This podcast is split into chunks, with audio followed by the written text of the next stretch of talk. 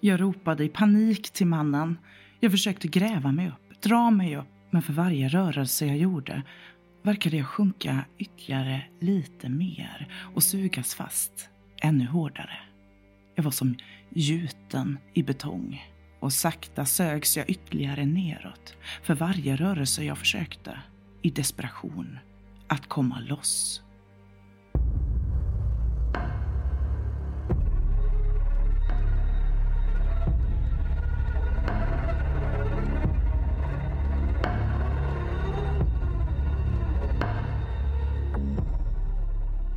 Och välkomna till podden Rysningar.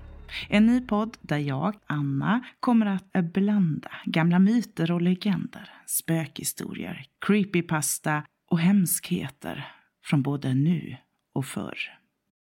Rysningar har funnits några år på Youtube och kanalen kommer att ligga kvar där, även om huvudfokus kommer att läggas på podden just nu. Resten av 2023s söndagar kommer det att komma ut ett nytt avsnitt här på podden och det kommer att vara redan eh, släppta avsnitt från Youtube, alltså inget nytt för er som har hängt med mig där ett tag. Men avsnitten kanske är lite omarbetade. Efter ett litet uppehåll i januari så kommer jag komma med lite nytt material också. Eh, Youtube-kanalen eh, som heter just Rysningar kommer som sagt att finnas kvar, för ibland så kanske det poppar upp något nytt även där. Så följ mig gärna där och på Instagram heter jag Rysningar. Men nog snackat om det. Det här första poddavsnittet, eller gamla för er som har följt mig ett tag, eh, tänkte jag tillägna irrbloss eller lyktgubbar och ljus i natten. Lyktgubbar som är ett väsen från våran gamla folktro han var oftast osynlig, men det som vi människor kunde se var hans lykta, ett så kallat irrbloss.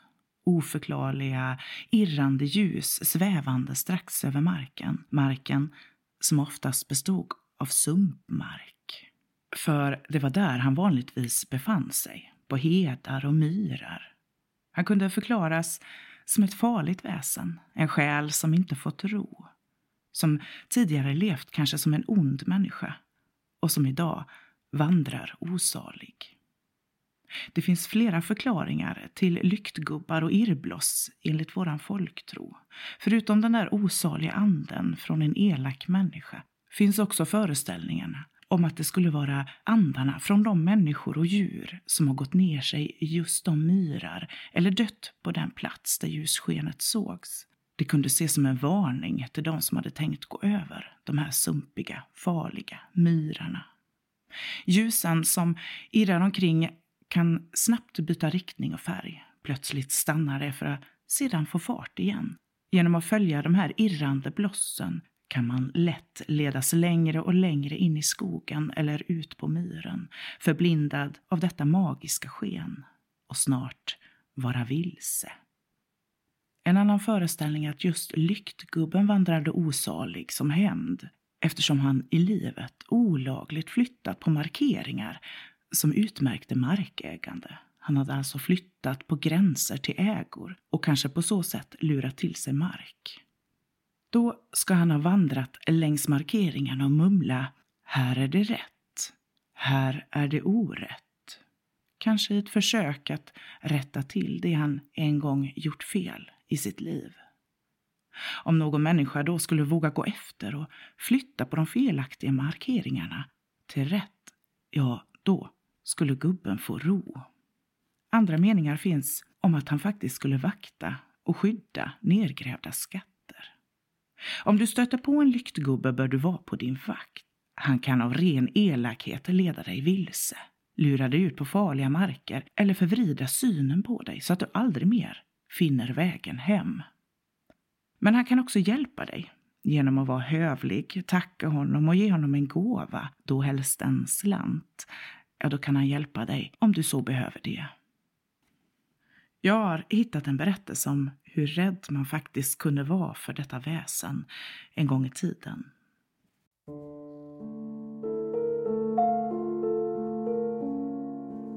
En novemberdag år 1909 begav sig systrarna Jenny och Augusta 11 och 8 år, ut från sitt hem, ett litet torp i Östergötland och traskade genom skogen mot grannbyn.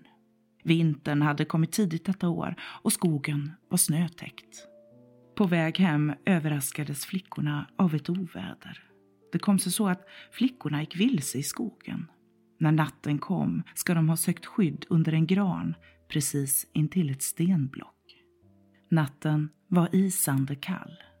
När morgonen kom och de skulle försöka leta sig hemåt var fötterna på de stackars flickorna så stelfrusna att de inte klarade att gå hem. Man sökte efter flickorna både natt och dag, men de förblev spårlöst försvunna. Tiden gick och det verkade hopplöst. Men man gav aldrig upp. Flickorna skulle hittas. Även om livet lämnat dem och de skulle behöva begravas, så skulle det vara i vigd jord. Flickorna hittades 21 dagar efter det att de försvunnit, frusna och utmärglade, men vid liv. Båda flickornas fötter var så illa däran av köldskador att de behövde amputeras. Men för övrigt hade de klarat sig förvånansvärt bra. De berättade senare hur de hade ätit av det lilla man hade burit med sig och hållit sig varma genom att krypa tätt intill varandra. På Kisa lasarett där flickorna vårdades berättade de senare att de hade sett lyktorna från de skallgångskedjor som letade efter dem. Men man hade inte vågat ge sig till känna då de trodde att det var lysegubbar som de visste var mycket farliga.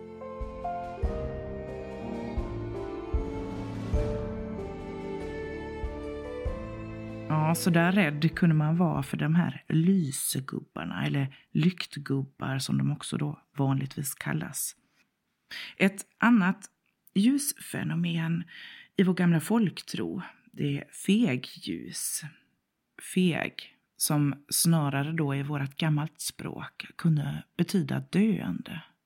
Ett oförklarligt sken som från en lykta eller som en boll av ljus starkt eller svagt eller ibland flammande, som uppstod från ingenstans och lika snabbt kunde försvinna. Hur det här ljuset betedde sig, vilka färger det sken i, hur nära marken det var eller hur stort och starkt ljuset var, verkade ha olika betydelser beroende på var i landet man befann sig.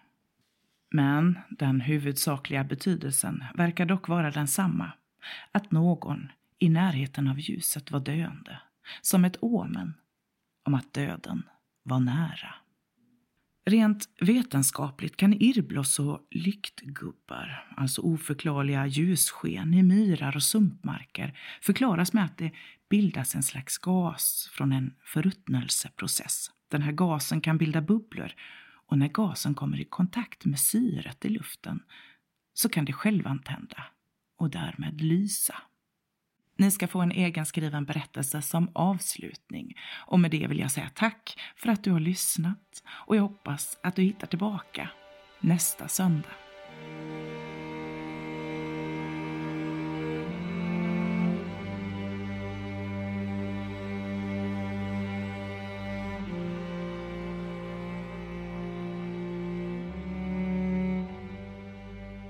Jag och mina syskon, min bror och min syster, har en bra relation. Vi har alltid kunnat lita på varandra, funnits där för varandra. Kanske starkare band än normalt. Men så har vi också bara haft varandra då våra föräldrar omkom i en olycka innan någon av oss hade hunnit nå tonåren. Så att hjälpa varandra, vad det nu än gick ut på, hade aldrig ifrågasatts eller tvekats inför. Just nu var det vår syster Maria som behövde hjälp. Hon hade köpt en liten stuga, långt bort från stad och människor. Med det menat rätt krast, helt ute i ingenstans. Mitt ute i urskogen, flera kilometer till närmaste granne. Men det var tydligen så hon ville ha det. Jag och vår bror Andreas hade lovat att hjälpa henne under vår semester med flytten dit och med att styra upp boendet i några dagar. Dagen kom när vi hade lastat och burit möbler och flyttkartonger Tillsammans hade vi lyckats tömma hela Marias bohag på en enda dag och kört allt till den lilla pittoreska stugan mitt ute ingenstans. Kvällen hade vi spenderat sittande vid köksbordet, delat på några flaskor vin, spelat kort, skrattat åt gamla minnen och delat en del historier och drömmar om framtiden. Det hade varit en mysig kväll. Trötta och simmiga av både vin och dagens arbete. Men ja, det kanske mest var vinet som lämnat en sur eftersmak i munnen. En lätt huvudvärk som hotade att bli allt värre och tröttheten i både huvud och kropp dagen efter. Och just den här dagen, alltså dagen efter själva flytten och vindrickandet sent in på natten, tog vi det betydligt lugnare. Förmiddagen ägnades mest åt att sortera och packa upp lådor i ganska lugn takt. Mitt på dagen käkade vi middag tillsammans och direkt därefter skulle Maria och Andreas ta bilen in till stan för att fixa en del ärenden. De skulle snart vara tillbaka och jag valde att stanna kvar i stugan och stöka omkring. Jag vet inte varifrån jag fick den här fantastiska idén om att jag skulle bjuda på smörstekta kantareller till kvällsmat. Jag hade aldrig plockat svamp i hela mitt liv. Jag var född i stan, vandrat alla mina steg på asfalt, andats avgaser och lyssnat på stadsljud hela mitt liv. Jag kan ingenting om skog och natur och nu i efterhand så inser jag vilken vansinnigt idiotisk idé det var. Men just där och då trodde jag väl att lite natur och frisk luft skulle göra mig gott. Och hur svårt kunde det vara att hitta lite gula svampar i närheten av stugan? Enligt mina mer naturgillande vänner så skulle skog och mark krylla av kantareller. I alla fall enligt deras uppdateringar på sociala medier. Jag skrev en liten lapp och la på köksbordet om att jag hade gått på svampjakt och hade mobilen med mig och troligen ändå skulle vara tillbaka innan dem. Så med en papperspåse i högsta hugg, mobilen i jeansshortsens bakficka och i Marias en aningens för små gummistövlar begav jag mig ut från stugan, rakt ut i skogen. Jag hade naturligtvis inte tänkt att jag skulle gå så långt in i skogen. Tänkte nog att jag skulle hålla mig i närheten av stugan. Kanske ha den under uppsikt hela tiden, så där som man skulle kunna skymta den mellan träden hela tiden. Ja, för det var nog så jag hade tänkt. Men jag vet inte riktigt hur det gick till. Jag tappade helt både tid och rum. Helt maniskt plockade jag, överlycklig som ett barn på julafton. Jag hade inte behövt gå många meter in i skogen från skogskanten för att få syn på dem. Massor av kantareller färgade marken gul i grupper, enstaka, stora och små. De växte överallt och jag plockade mer och mer. Och ju mer jag plockade, desto mer upptäckte jag. Så fort jag hade plockat på ett ställe och lyfte min blick så såg jag nya grupper av svampar längre in i skogen. Jag hade ingen aning hur länge jag höll på, hur långt in i skogen jag fortsatte att gå. Jag tappade som sagt helt både tid och rum. Det var inte förrän jag började bli hungrig som jag ens reflekterade över vad klockan kunde vara. Jag trevade efter mobilen i bakfickan för att försöka se vad klockan kunde vara, men bara för att inse att den inte fanns där. Jag hade tappat den. Någonstans på vägen från stugan till där jag nu stod hade den glidit ur bakfickan utan att jag ens märkte. Och det var i det ögonblicket som jag verkligen lyfte blicken och frågade mig själv vart jag befann mig.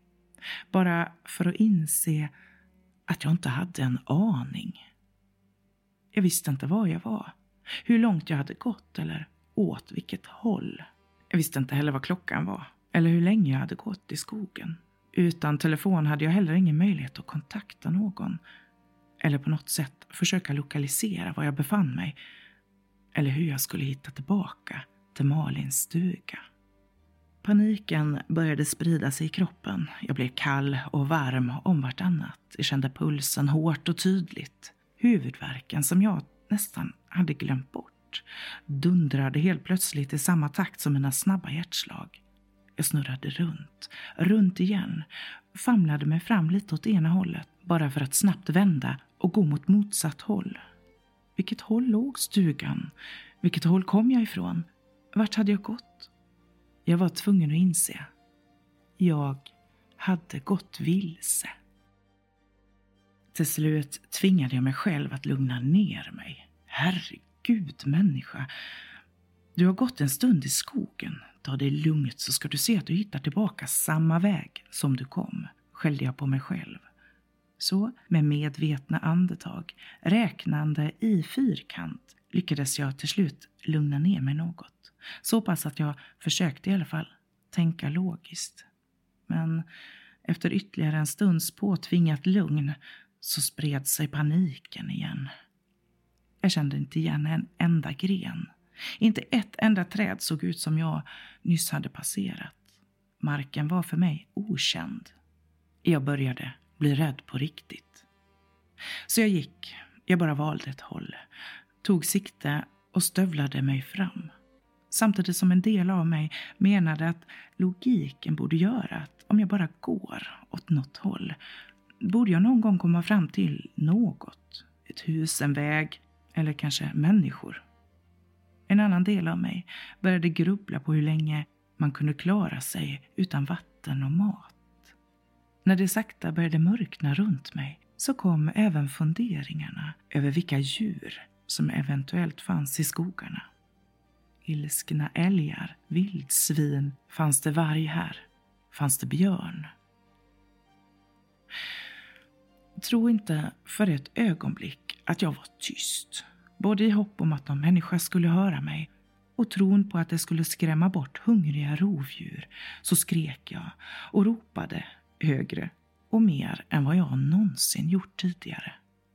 Så mycket att jag till slut hade varken röst eller styrka kvar att skrika. Jag tystnade. Ruskigt medveten om att jag behövde alla krafter jag nu hade kvar. För de började sina. Jag var trött, jag var hungrig. Men allra värst började törsten störa mig. Mer än rädsla nu faktiskt. Jag gick och gick. Jag snubblade och föll. Jag rev mig på grenar och Marias små stövlar gjorde först blåsor på mina fötter. Det gjorde ont, men jag vågade inte ta av mig stövlarna. Rädd att jag inte skulle få dem på mig igen. Blåsorna brast till slut. Jag kunde känna hur huden över skaven på mina fötter gav vika, hur det korvade sig och blottade sår och fortsatte skava i de för små stövlarna. Jag fortsatte envist framåt. Vemodet växte sig starkare. Hopplösheten ökade i takt med att mörkret kröp närmare. Det var svårt att se mellan tårarna som rullade fritt längs mina kinder, både av rädsla, trötthet och uppgivenhet. Jag ville bara hem och jag förbannade min dumhet att gå ut i skogen ensam. Hur kunde jag vara så dum? Varför? Jag satt på något. Jag vet inte om det var en sten eller en stubbe. När jag hörde hur någonting närmade sig. Nu var det så mörkt att det var svårt att se mer än någon meter framför sig. Jag hade börjat inse att det vore klokt att försöka sova en stund, vänta lite med att försöka gå. Det var för mörkt. Det blev bara farligt när man inte såg var man satte fötterna. Jag kunde ju lika gärna trampa rakt ner i en ravin eller snubbla och bryta benen. Jag kanske gjorde bäst i att sitta still, försöka sova lite, samla krafter och vänta på att morgonen skulle komma med ljus. Det var kallt och jag frös. Jag var hungrig, men återigen var törsten värst.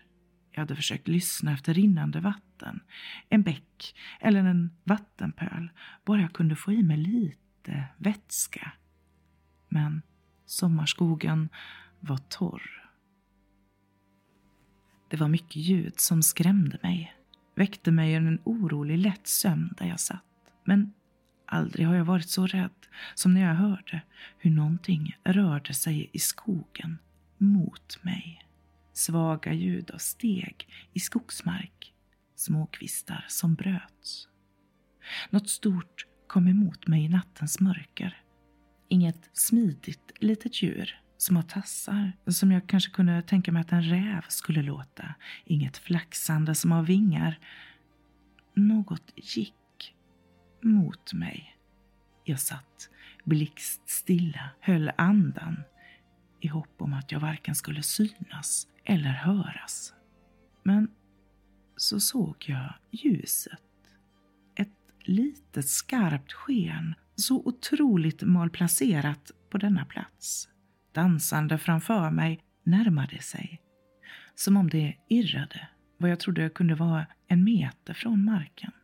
Först skrämde det mig, för att jag inte kunde förstå vad det var. Men sen hörde jag det mest fantastiska ljud jag då kunde ha hört. Någon visslade. En munter melodi bröt natten och skogens tystnad. En människa kom gående emot mig, visslande och med ljus. Ljuset visade sig vara en mobiltelefon, eller snarare ficklampan från en mobiltelefon som hölls på ett sådant sätt att det lös upp marken framför personen som nu gick emot mig. Som så trevligt visslade på sin muntra melodi.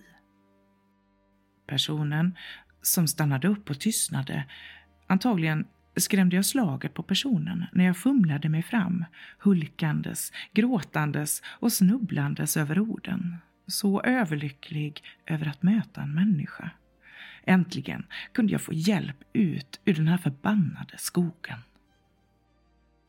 Den visslande mannen som nu tystnat stod helt still en lång stund.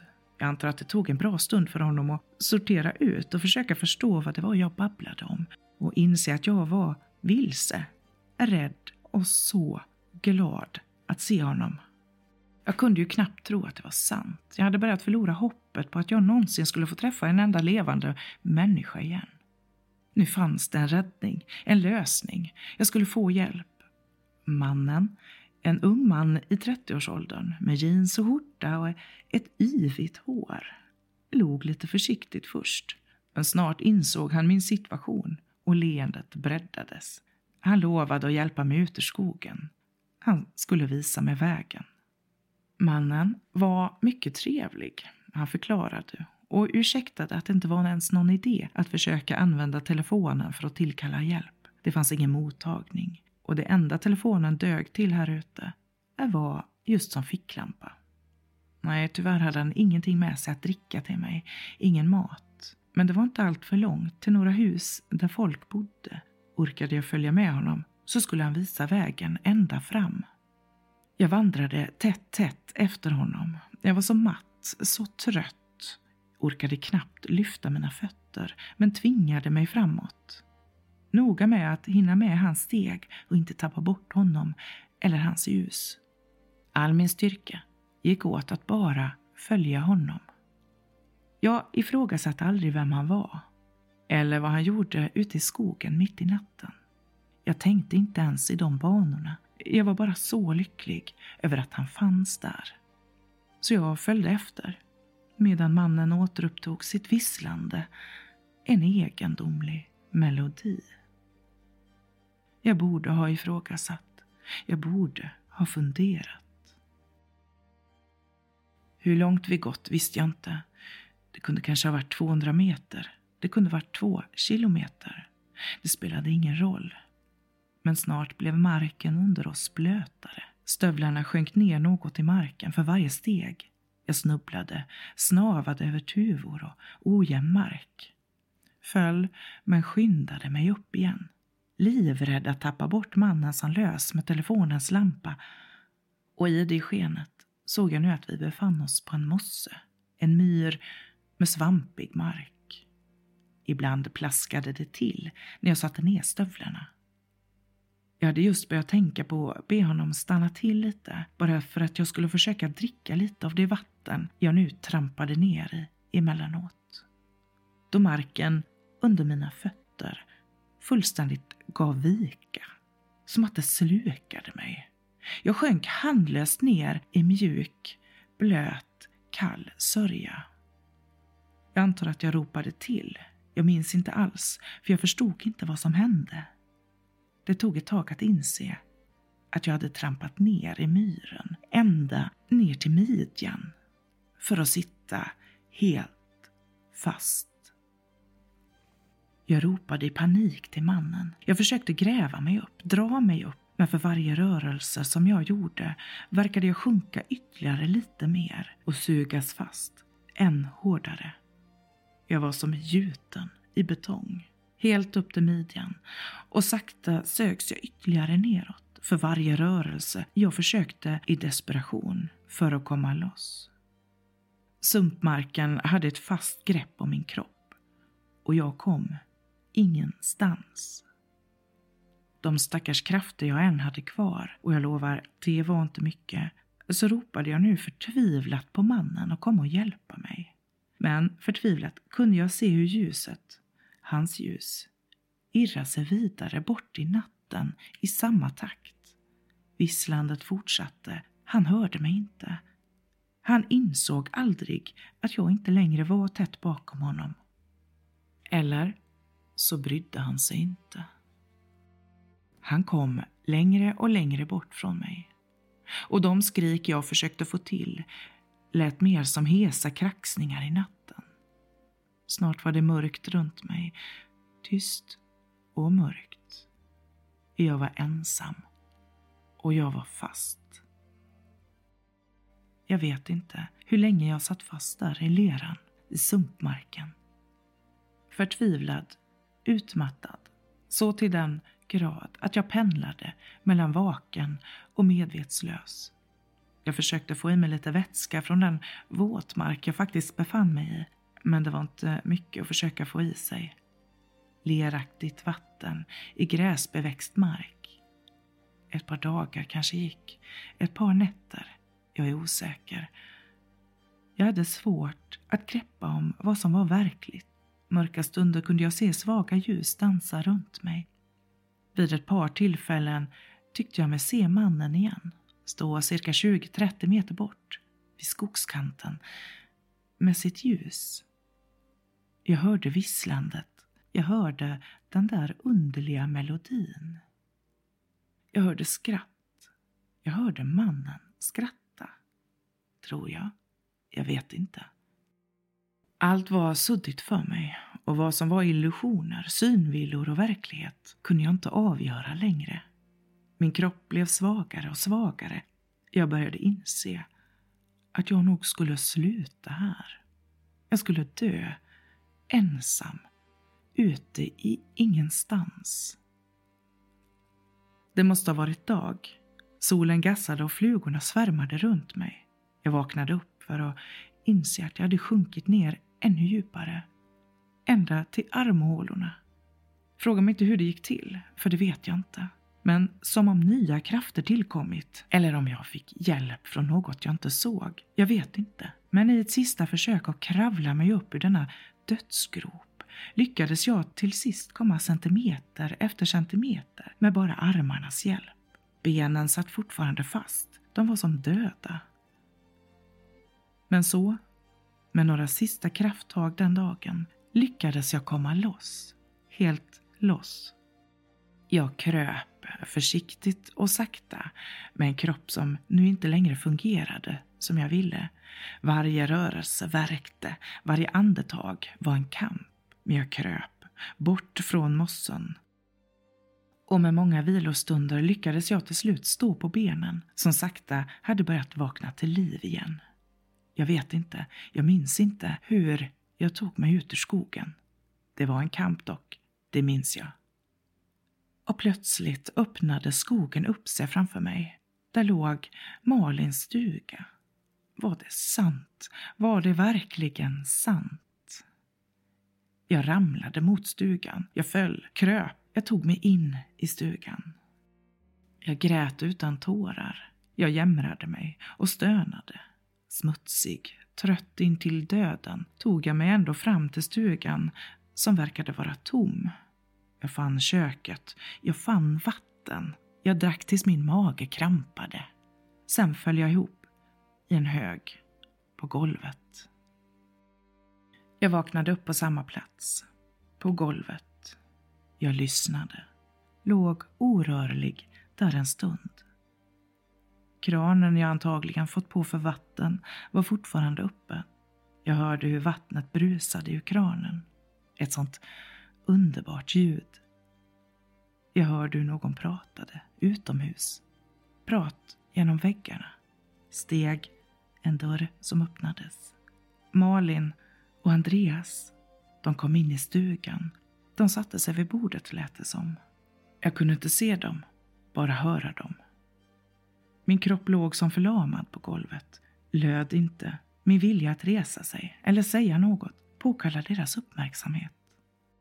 Jag uppfattade hur Malin kom mig nära, stängde vattenkranen och gav Andreas en utskällning för att han inte stängt vattnet efter sig. De märkte inte att jag låg där, smutsig, i en hög på golvet. Men jag hörde dem. Jag hörde dem tala och sakta sjönk en fasansfull insikt in. De letade efter mig. De hade letat i fyra dygn. De var trötta. Jag hörde deras förtvivlan och hopplöshet i deras röster. Samtidigt som jag bara ville skrika att jag fanns ju här, precis så här nära. Jag hade hittat hem och allt skulle bli bra nu. Polisen var inblandad, Missing People. Folk gick skallgång, hundar sökte. Efterlysningar i media. Ingen hade sett mig. Ingen kunde hitta mig. Men man hade hittat min telefon. Den hade legat ute i skogen cirka en kilometer från stugan. Men ingenstans fanns jag att finna. Jag var ju här. Här var jag. Andreas telefon ringde och antagligen för att Malin skulle få ta del av samtalet så lät han samtalet pågå i högtalare. De hade hittat en kropp. Så rörigt i mitt huvud. Allt snurrade. I nästa ögonblick befinner jag mig springandes genom skogen, bara ett par meter efter mina syskon som nu rusar fram. Hur det gick till vet jag inte. Jag ropar på dem att vänta, men de hör mig inte. Jag ser hur Malin ramlar och jag försöker hjälpa henne upp. Men hon kommer själv upp på benen, snabbare än jag hinner fram. Och hon fortsätter springa. Snart stannar de. Det finns folk i skogen, massor av folk. Som i klunga står de och tittar på något.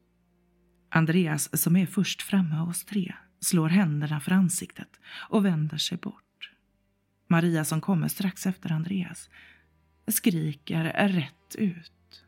Hon faller ner på knä och fortsätter skrika. Jag förstår ingenting. Jag tog några trevande steg fram för att se vad som chockat mina syskon så. Jag brottades med känslorna om att gå fram och försöka se vad det var de sett och mellan att försöka hjälpa mina syskon. Jag lyfter blicken lite, ser bort mot skogen. Jag börjar känna igen mig. Skogen, mossen, just här. Så ser jag långt bort, där står en man jag känner igen. En man som visslar en egendomlig men mycket bekant melodi. Jag tar mig fram till folksamlingen och jag ser jag ser en kvinna ligga nersjunken i mossen. Ända upp till armhålorna är hon nedsjunken. Och det tar en stund i totalt stiltje i mitt huvud innan jag sakta börjar förstå att den döda kvinnan i mossen, det är jag.